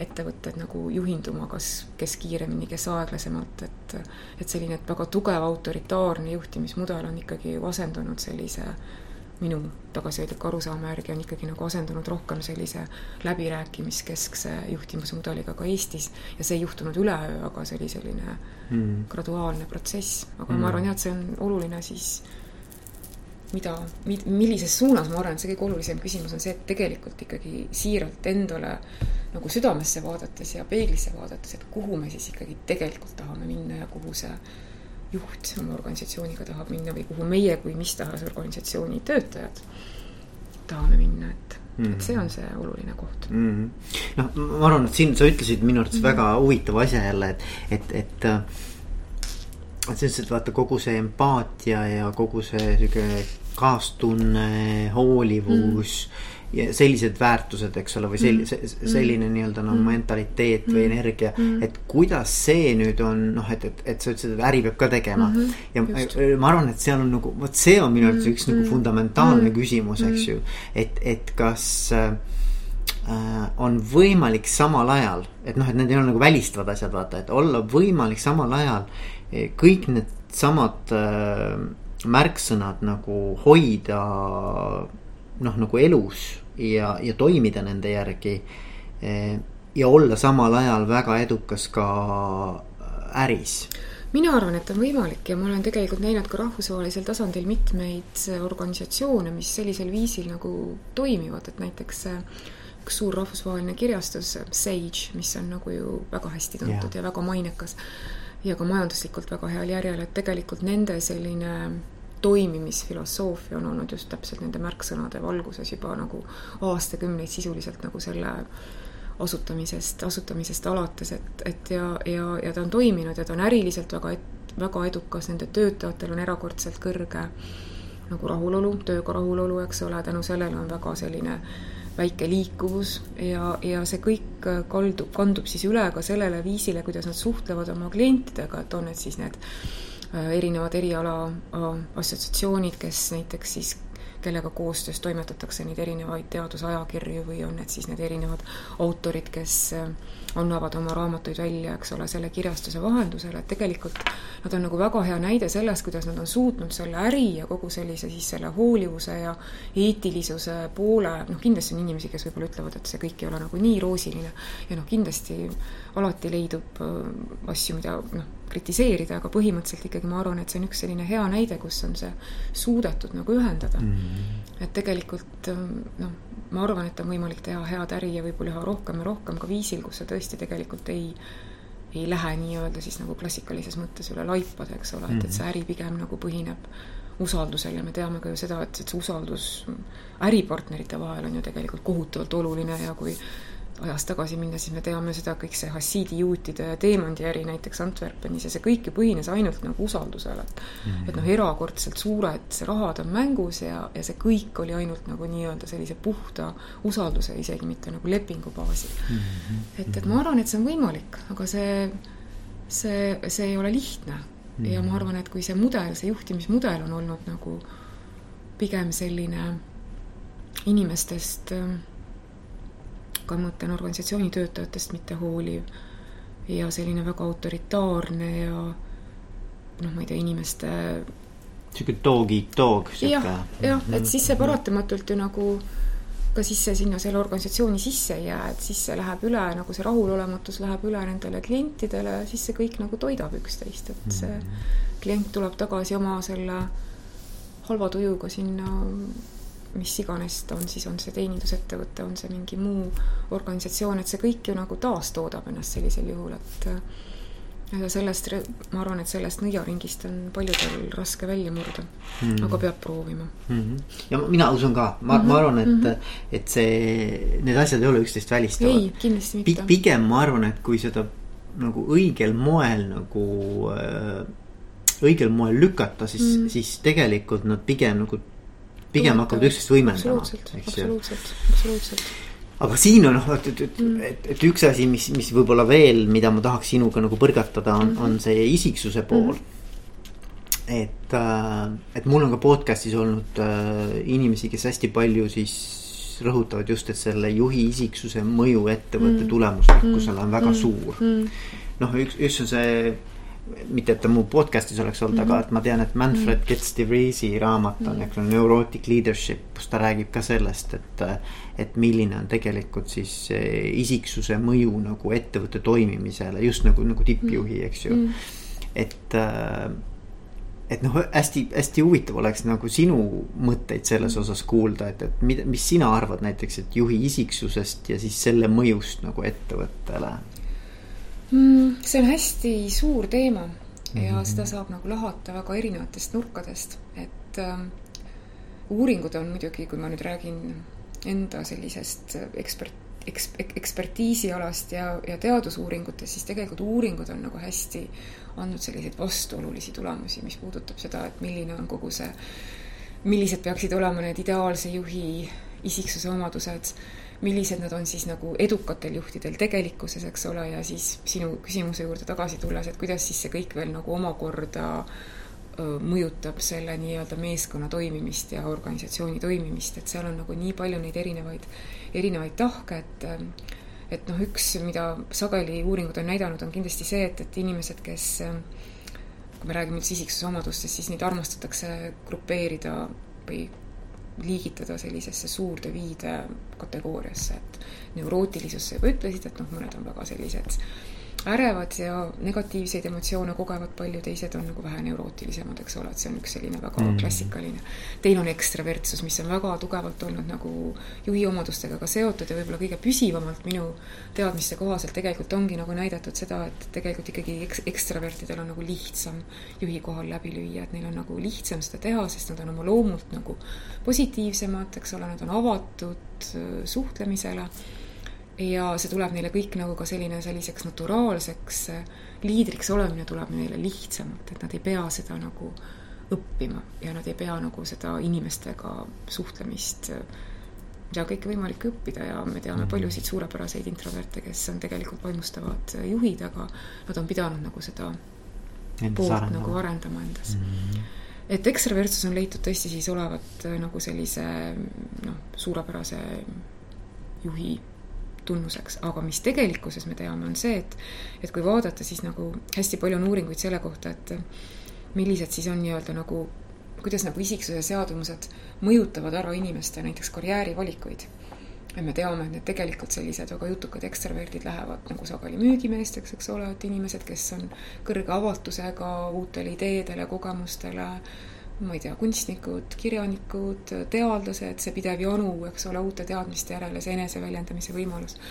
et äh, mis siis tegelikult tippjuhtidel äh, on sageli leidnud olevat, on väga madal sotsiaalsus ja sotsiaalsus ei tähenda nüüd sellist äh, nagu sellist jutukuse poolt, vaid see sotsiaalsus on siis selline isiksuse omadus, mis puudutab just nimelt sellist nagu seda hoolivust, empaatiat, teistest inimestest nagu arusaamist, teiste inimeste kingadesse asetumist, et et noh, et, et inimesed, kellel on madal sotsiaalsus, on siis sageli sellised antagonistlikud ja valmis nagu suhteliselt teravalt oma arvamust välja ütlema. ei hooli sedavõrd nagu, mida teised inimesed arvavad, ei ole just need, kelle, kelle õla peale, eks ole, nagu võib-olla inimesed esimesena nutma lähevad, kes kohe ei tule niimoodi plutitama sind.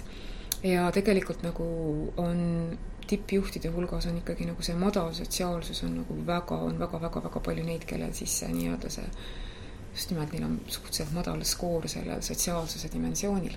ja siis ongi pakutud, et see võib-olla on nagu mingit pidi noh, vähemalt selles juhtimiskultuuris, selles Euroopa, Anglo-Ameerika kontekstis, kus enamik neid uuringud läbi on viidud, et noh, et, et see on olnud nagu, see on see vajalik omadus selleks, et sa jõuaksid. et sa läbi ei põleks võib-olla. täpselt, et sa läbi ei põleks mm. -hmm. et kui sa oled nagu liiga selline pehme ja liiga, liiga pehme, eks ole.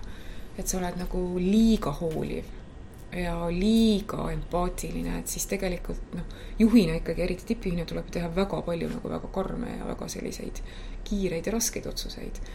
ja võib-olla siis see madal sotsiaalsus on just nimelt see puhver, mis sul tegelikult võimaldab nagu edasi liikuda. ja, ja selle juures nagu selline nagu terve mõistus ja terve vaimne tervis mm -hmm. nagu säilitada mm. -hmm. nii et need on nagu need äh, kolm omadust, et noh, neurootilisus on üldjuhul nagu mõnikord mu tudengid küsivad mu käest, et aga miks siis üldse nagu see evolutsiooniliselt, et kust meil see neurootilisus nagu tuleb, et ega ühtegi nagu väga sellist positiivset, väga palju positiivset aga nagu ei kaasne, et eks ole, tervis on viletsam inimestel, kellel on väga kõrge neurootilisus ja suhted lähevad lörri, sest noh, kes siis seda negativismi ja, suudab, suudab, suudab taluda, eks ole, inimesed ei ole, kõrgelt neurootilised inimesed ei ole, eks ole, oma eluga rahul. Et, et noh, need väga palju on nagu sellist negatiivset, sellist igapäevaelu väljendust seoses nagu kõrge neurootilisusega ja ma arvan, et ka juhi omadustes tegelikult noh, kindlasti ta ei ole nagu see iseloomujoon, mida sa nagu juhilt äh, loodaksid ja ootaksid või sooviksid, sest kui inimene on ikkagi väga kiiresti ägestuv, väga noh, ohtralt negatiivsete emotsioonidega ja siis, kui sellega kaasneb ka veel madal sotsiaalsus, mis nagu Võimendada. laseb neil võimendada ja kõigil nendel emotsioonidel nagu välja käia, siis on see ikkagi nagu suhteliselt surmav kombinatsioon, eks ole, mis mm -hmm. ei ole väga inspireeriv ei mm, -hmm. ei otsestele ega siis kaugematele alluvatele aga siis selle neurootilisuse kaitseks tuleb ikkagi öelda, et ilmselgelt siis meil on ju ühiskonnas inimesed, kes on väga neurootilised, on igas ühiskonnas, kes on vähe neurootilised, väga neurootilised ja suurem osa nagu kõigi isiksuse omaduste puhul on seal kuskil Keskel. keskpaigas. ja see kõrge neurootilisus ikkagi teatud eluolukordades noh, on ikkagi väga-väga noh, adaptiivne või väga oluline selle nii-öelda ellujäämise seisukohalt, et näiteks terviseuuringutes on see väga hästi näidatud, et on nii-öelda see kasulik neurootilisus, et sa oled tõesti väga ärev ja sa jälgid iga oma seda organismi muutust nagu super innukalt, et noh, ma ei tea, pea mm. hakkas valutama, normaalne inimene nagu, tavaline inimene nagu ei tee väljagi ja siis lõpuks tulebki välja kuus kuud hiljem, et oleks võinud arsti juurde minna, et oli nagu mingi, ma ei tea, ajukasvaja seal umbes, aga, aga see kõrge neurootilisuse ärevusega inimene, ta läheb, ta laseb ennast kontrollida ja see tegelikult nagu sellise kõrge meelekindlusega seotult nagu lõpuks nagu hoiab teda nagu mm -hmm. tervemana. ja ma arvan, et see ka tegelikult selle juhi rolli juures teatud nagu sellistes mm -hmm. kriisiolukordades või teatud äh, olukordades ma kujutan ette, et see saab olla nagu kasulik joon, aga võib-olla ainult teatud juhtudel. mulle, mulle tundub ka, mulle tundub mm -hmm. näiteks, ma, võin küll öelda, et ma pigem tunnen rohkem neurootilisi juhte mm -hmm. kui, kui noh, ütleme mitte nagu mm -hmm. noh, see kõlab nagu mm, -hmm. vaata see sõna ise on natukene mm -hmm. paha tegelikult, eks ju. see ei ole nagu iseenesest ju üldse, see ei tähenda mingisugust haigust või hälvet. ei, üldse mitte, me räägime alati normaalsest isiksuse, me ei räägi nagu mingitest äh, isiksuse häiretest ega isiksuse. lihtsalt, et see dimensiooni nimi on neurooti-, neurootiline. see ikkagi näitab seda, et kui sul on kõrge skoor või kui sul on nagu kõrge neurootilisus, siis täpselt nagu ma ütlesin, sul on kalduvus kogeda palju negatiivseid emotsioone. ja, ja ma, ma arvan, et nagu, et, et noh, et, et see ärevuse pool seal mm. -hmm. Eh, on nagu juhtides, äh, ma, ma võiks kohe nagu mitu noh mm., mitmeid näiteid tuua, kus on edukas juht ja ta on olnud mm -hmm. noh, pigem nagu neurootiline mm. -hmm. ja, ja mida mina tähele olen pannud, et miks see nagu kasulik on, on see, et nemad on need, kes nagu noh, natuke ka perfektsionistid või natuke nagu see standard. siis, kui see on tegelikult seotud selle kõrge kohusetundlikkusega, see on see teine, see viies dimensioon.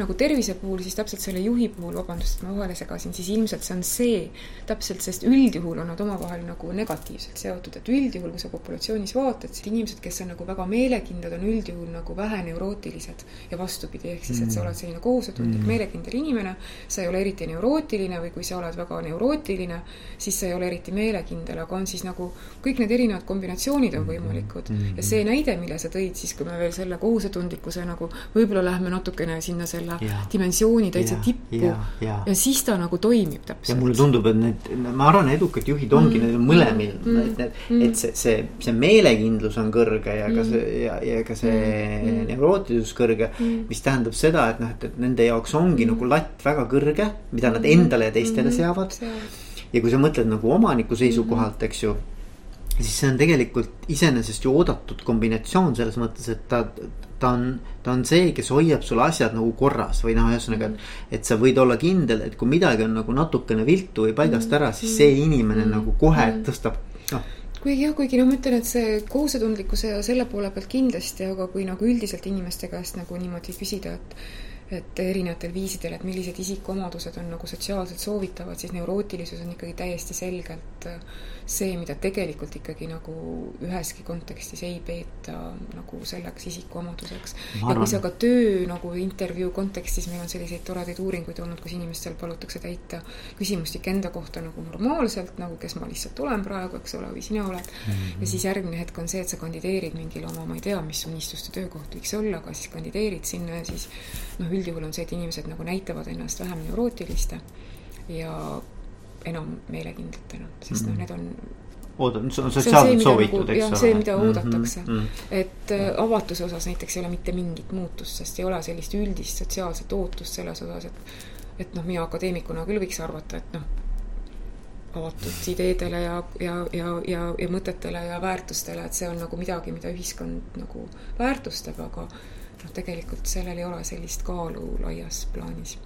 Aga ma selles mõttes, mida ma tahtsin öelda sinna juurde ongi, et, et, et ma arvan, nad on väga rasked juhid nagu mm. suhete ja just sellise mm. nagu sotsiaalse kontakti, kontakti ja, mõttes, eks ju, et nendega on tegelikult väga raske koos mm. midagi teha mm.. sest nad on, pigem nad tekitavad inimestes tunnet, et sest nad on kriitikud, pigem nad on mm-hmm. kriitikud, eks ju, sest et nad näevad ainult seda, mis ja, peaks mis nagu peaks paremini, paremini olema, eks ju. aga nad ei näe seda, et, et see, see ei tule naturaalselt, et sa Just. näed, et midagi on hästi ja siis sa seda nagu. seda nagu pigem nagu mm-hmm, tunnustad mm, -hmm, eks ju mm, -hmm. et nendega on raske, aga ma arvan, et kui sa vaatad ainult mm -hmm. tulemusi mm, -hmm. siis noh, vähemalt lühiajaliselt noh mm., ma ei, kui jätkusuutlik see on, eks ole.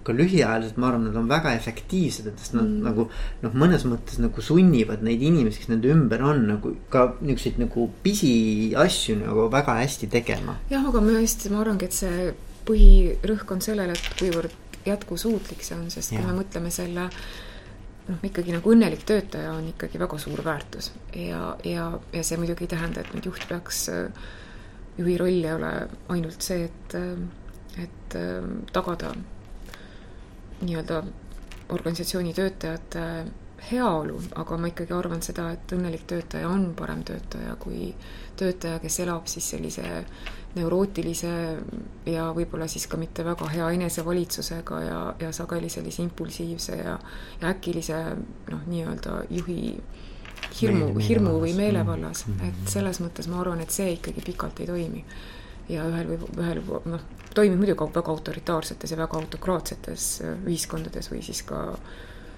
noh, tõesti, kui on sellised organisatsioonid olemas ja inimestel ei ole võimalik nagu paremat ja mingit muud tööd leida, aga ma ikkagi kipun arvama seda, et see ei kesta kaua ja seal tekib väga kiire selline töötajate vahetus, kes suudavad siis sellele nii-öelda sellisele dressuurile alluda ja ja siis selle mingi aja hambad ristis nagu vastu pidada ja siis liiguvad. aga siis tekib ka ju nagu tööandja bränd sellega, kuvand, eks ja, ole, et, no mingil hetkel on raske uusi inimesi uusi saada. inimesi saada, täpselt mm. -hmm. nii et ikkagi ma arvan, et selline nagu juht, kes äh, tegelikult ikkagi suudab nagu noh, alla suruda need, meil on kõigil ju võimalik õppida seda, et kui me oleme isegi sündinud ääretult selliste neurootilistena, siis tegelikult on ju olemas need erinevad äh, erinevad võimalused, et me ei saa muuta oma isiksust, et tõepoolest, et sul ikka jäävad need, sa, sa ikka näed seda klaasi pigem pooltühja kui pooltäis olevana, eks ole, ja sul ikka on nagu see vaade elule võib-olla nagu äh, pisut pessimistlikum ja kõik see ei tule nagu nii roosamannalisena sulle, aga sul on ju võimalik ka juhina õppida nagu tegelikult nagu ikkagi kontrollima oma emotsioone ja, ja märkama just neid positiivseid asju, et seda saab teadlikult ikkagi teha mm. -hmm. see ei ole lihtne, aga, aga see on võimalik ma rääkisin Andero Uusbergiga mm. -hmm. ja, ja tema, tema ütles nende, nende siis erinevate, kahe erineva nagu sellise ütleme siis lähenemise mm -hmm. kohta, et, et üks, üks juht tekitab siis sul kergenduskogemusi mm. -hmm. see on mhm. siis see, kui sa mm -hmm. ei saa kriitikat, et sa te, hakkadki mm -hmm. toimetama nii, et mhm. võimalikult vähe kriitikat mm -hmm. saaksid mm. -hmm. ja teine on eduelamus mm, -hmm. et kui ma olen midagi hästi mhm. teinud mm, -hmm. siis ma saan siis nagu. selle tunnustuse selle eest. et noh, need on nagu kaks, kui sa mõtled, et mida mm -hmm. ma siis nagu töötajana tahan, kas ma tahan kergenduskogemusi mm -hmm. või eduelamusi on ju noh, siis ikka eduelamusi. ikka ja see sõltub ka muidugi jälle inimesest, aga ma arvan ka, et valdavas osas ikkagi pigem seda teist, nii et kuule, aga Anu, ma arvan, et me võiksime hästi pikalt rääkida, aga, aga, aga kui nüüd nagu kuidagi tõmmata see jutt kokku, et meil on küll nagu erinevates suundades mhm. liikunud, aga minu arust on hästi põnev olnud, minul vähemalt küll, ma usun kuulajatel ka. et, et kas on midagi, millega me võiksime nagu jätta oma kuulajad, et nagu, et, et kui mõelda nüüd nagu, et, et, et noh, mis võiks olla midagi, mis jääks kõlama või, või et noh, kui, kui ma nagu kui ma küsin niimoodi, et noh, et minu, minu nagu podcast'i läbiv selline küsimus on, et mida tähendab olla edukas juht, eks ju. et siis, kui nüüd võtta seesama see kultuuride, kultuuridimensioonide teema ja võtta mhm. isiksuse teema, et noh, mis siis mhm. võiks jääda kõlama? ma võib-olla ei vastaks sellele otse sellele küsimusele, sest äh, nagu ma ka erinevate keeruliste pikkade vastustega püüdsin öelda, et ega ühte sellist äh, võtit ei ole, et et kõik sõltub ja see on see vastus, mida ajakirjanikud kunagi ei armasta, sest äh, sest ikka oleks ju hea, kui oleks selline üks konkreetne nagu võti olemas või mm, -hmm. või üks selline konkreetne lahendus, mida oleks siis võimalik võimalik nagu välja pakkuda või retsept, mille alusel siis toimetama hakkama. jah, jah aga ei ole, et ma arvan, tegelikult ei ole, et on tõesti palju erinevaid samme erinevate kultuuride ja erinevat tüüpi nagu organisatsioonide jaoks. Aga ma arvan, et äärmiselt oluline ikkagi on see, et, et juht tegelikult annaks endale aru, ükstapuha siis, millised on tema isiksuse omadused, sest nagu ma ütlesin, nendega me kõik sünnime. Ja, ja sageli tuleb ikkagi see juhi rolli täita ka sellisel juhul, kui võib-olla tõesti, kui me oleksime suutnud defineerida selle perfektse juhi omaduste komplekti, et sul ei ole kõik need omadused nagu perfektselt, perfektselt paigas, et, et sul oleks nagu vaja aru saada sellest, et mis on sinu tugevused, mis on sinu nõrkused? Ja, ja, ja võtta ikkagi nagu see vastutus selle eest, et sinust sõltub mitte ainult sinu enda, vaid tegelikult selle selles organisatsioonis töötavate inimeste heaolu, et see ei ole ainult see tulem, eks ole, on see siis mingi mõju või on see rahaline kasu, mis iganes viisil me mõõdame, vaid tegelikult, et sa vastutad nende inimeste heaolu eest, kes töötavad sinu alluvuses. Ja võib-olla see on see koht, kus mulle nagu tundub, et et Eestis teinekord või noh, mitte ainult Eestis, ma usun ka võib-olla mujal, aga võib-olla Eestis rohkem, et et meid on nii vähe. Ja tänu sellele see konkurents nagu ülespoole liikumiseks ja ka juhiks saamisel on, on nagu väiksem kui väga paljudes suurtes riikides, kus lihtsalt inimesi on väga palju ja see sõel töötab nii palju nagu tugevamalt, et tegelikult sinna tippu jõuavadki sageli inimesed, kes, kellel on mis iganes viisil siis selle õige organisatsiooni jaoks, selle õige organisatsiooni juhi jaoks sobilikud mm -hmm. omadused mm. -hmm. see sõel on lihtsalt nii tihe mm -hmm. ja neid inimesi on nii palju ja on võimalik valida see parim neist. ja noh, ma arvan, et Eesti probleem ongi see, et meid on nii vähe, mis tähendab seda, et, et sageli ei ole see üldse nagu, et selleks juhiks, meil on väga palju juhuslikke juhte, kui ma võin niimoodi öelda, võib-olla mitte halvas mõttes, aga lihtsalt inimesed on sinna sattunud sellepärast, et lihtsalt ei olnudki kedagi võtta, noh. Mm.. Nad olid parim esimene, kes mm. nagu ja nende juhuslike juhtide puhul ma arvan just nimelt, et, et, et nad peaksid nagu saama aru selle olukorra nagu tõsiduses selles kõige paremas mõttes, et nad, et nad, et see, kuidas nemad käituvad, kuidas nemad teevad, kuidas nemad seda organisatsiooni juhivad, kuidas nad need väärtused püüavad sättida. et sellel tegelikult on nagu kohutavalt suur mõju inimeste sellisele, nende töötajate heaolule ja võib-olla see on selline sisevaatluse, sisekaemuse, enda arendamise, et kui see juhuslik juht on siis juhiks saanud, et siis kui see juba on juhtunud, eks ole, et siis tegelikult tegeleda selle enesearenduse, enesereflektsiooni koolitusprogrammidega, et, et siis püüda tegelikult just nimelt arendada neid omadusi, milles võib-olla ei ole nagu see naturaalne pool nii tugev ja püüda mahendada neid, mis võib-olla looduse poolelt on liiga kõvasti, natukene liiga palju volüümi peale keeratud. et võib-olla see oleks selline minu mm -hmm. kokkuvõte mm. -hmm. ja, ja, ja, ja noh, nagu nii palju veel nagu küsin, et, et kas, kas ütleme, isiksus ja väärtused, eks ju, et mm -hmm. noh, tegelikult need on ka asjad, mis üksteist nagu mõjutavad, eks ju.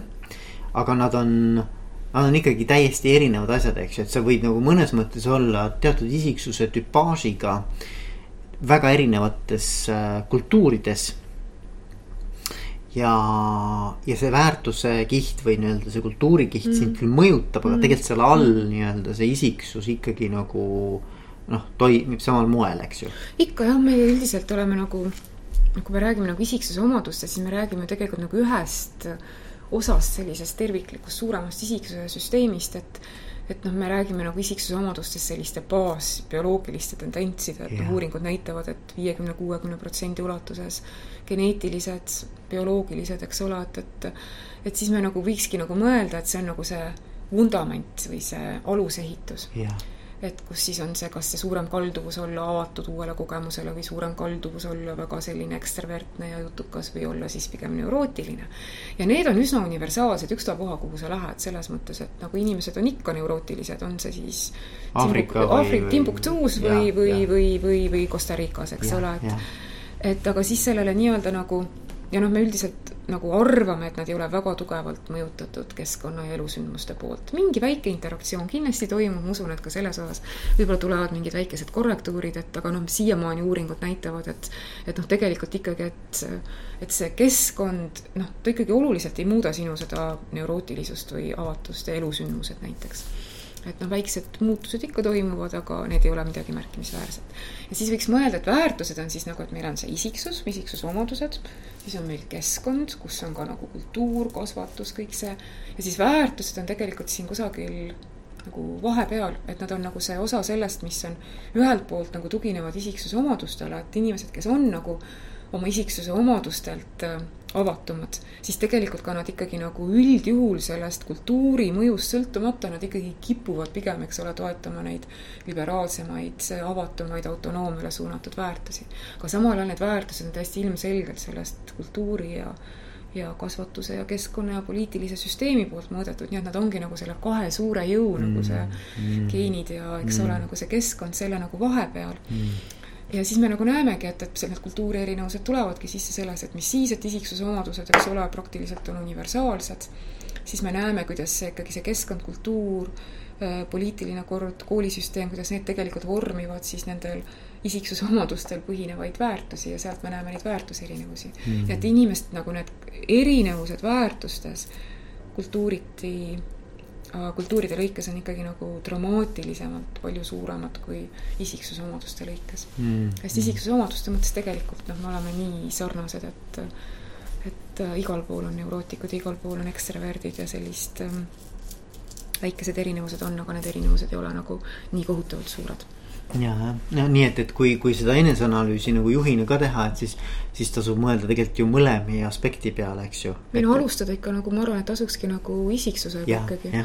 et tasuks ikkagi nagu oma isiku omadustega alustada ja, ja siis sealt nagu liikuda edasi nagu enda väärtuste juurde ja nagu ma alguses ütlesin ja siis nagu, nagu pole siis, võib alustada ühtepidi või teistpidi, aga ütleme, et juhuslikud juhid võib-olla alustaksid endast ja ja inimesed, kes on sinna tippu tõesti siis nagu tõusnud sellise noh, võib-olla pikema süstemaatilisema protsessi läbi, alustada sellest kultuuri analüüsist aga noh, mis kumbat pidi minna, siis sa jõuad lõpuks ikka samani välja, et kas sa alustad endast ja jõuad välja selle laiema kontekstini või siis sellest laiemast kontekstist ja iseendani, aga noh, et, et sa saad aru, kes sa ise oled kuidas sa nii-öelda nagu suhestud selle enda organisatsiooniga ja kuidas see sinu organisatsioon tegelikult siis nagu paigutub sellesse üldisesse kultuurikeskkonda, sest kõik need asjad omavahel lõpuks nagu mm -hmm. omavad mõju nii sellele, kuidas nagu sina saad opereerida kui juht ja ka sellele, kuidas nagu sinu noh, need organisatsiooni või ettevõtte töötajad tegelikult, milliste ootuste ja milliste nende eelarvamuste, käitumismustrite,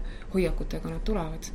ja siis on võimalik nagu paremini mõista iseennast ja teisi, teisi ka ja, mõjutada. Mm -hmm. ja noh, tulles selle Hofstede klassikalise uuringu juurde, siis noh, tuletage meelde, et see oli ju tehtud selleks, et saada aru, mida siis tegelikult nagu IBM-i töötajad erinevates maailma paikades oluliseks pidasid, mis mm -hmm. tähendab seda, et et ega siis ju ka, ma arvan, organisatsioonid, paljud teised organisatsioonid väga sageli ja ma loodan, et nad teevad neid, et nad ju uurivad mitte ainult töötajate rahulolu, aga ka just nimelt seda, et mis siis tegelikult motiveerib inimesi et miks nad, miks nad tulevad hommikul tööle ja, ja miks nad miks nad, miks nad üldse, see ei saa ju olla ainult raha või, või kui see on raha, siis on see ka väga oluline teadmine, aga kindlasti on seal veel rida teisi tegureid ja siis on ju vastavalt ka sellele võimalik seda kultuuri nagu kujundada mm -hmm.. kuule, aga tänud sulle, Anu mm. -hmm. suur tänu kutsumast. jaa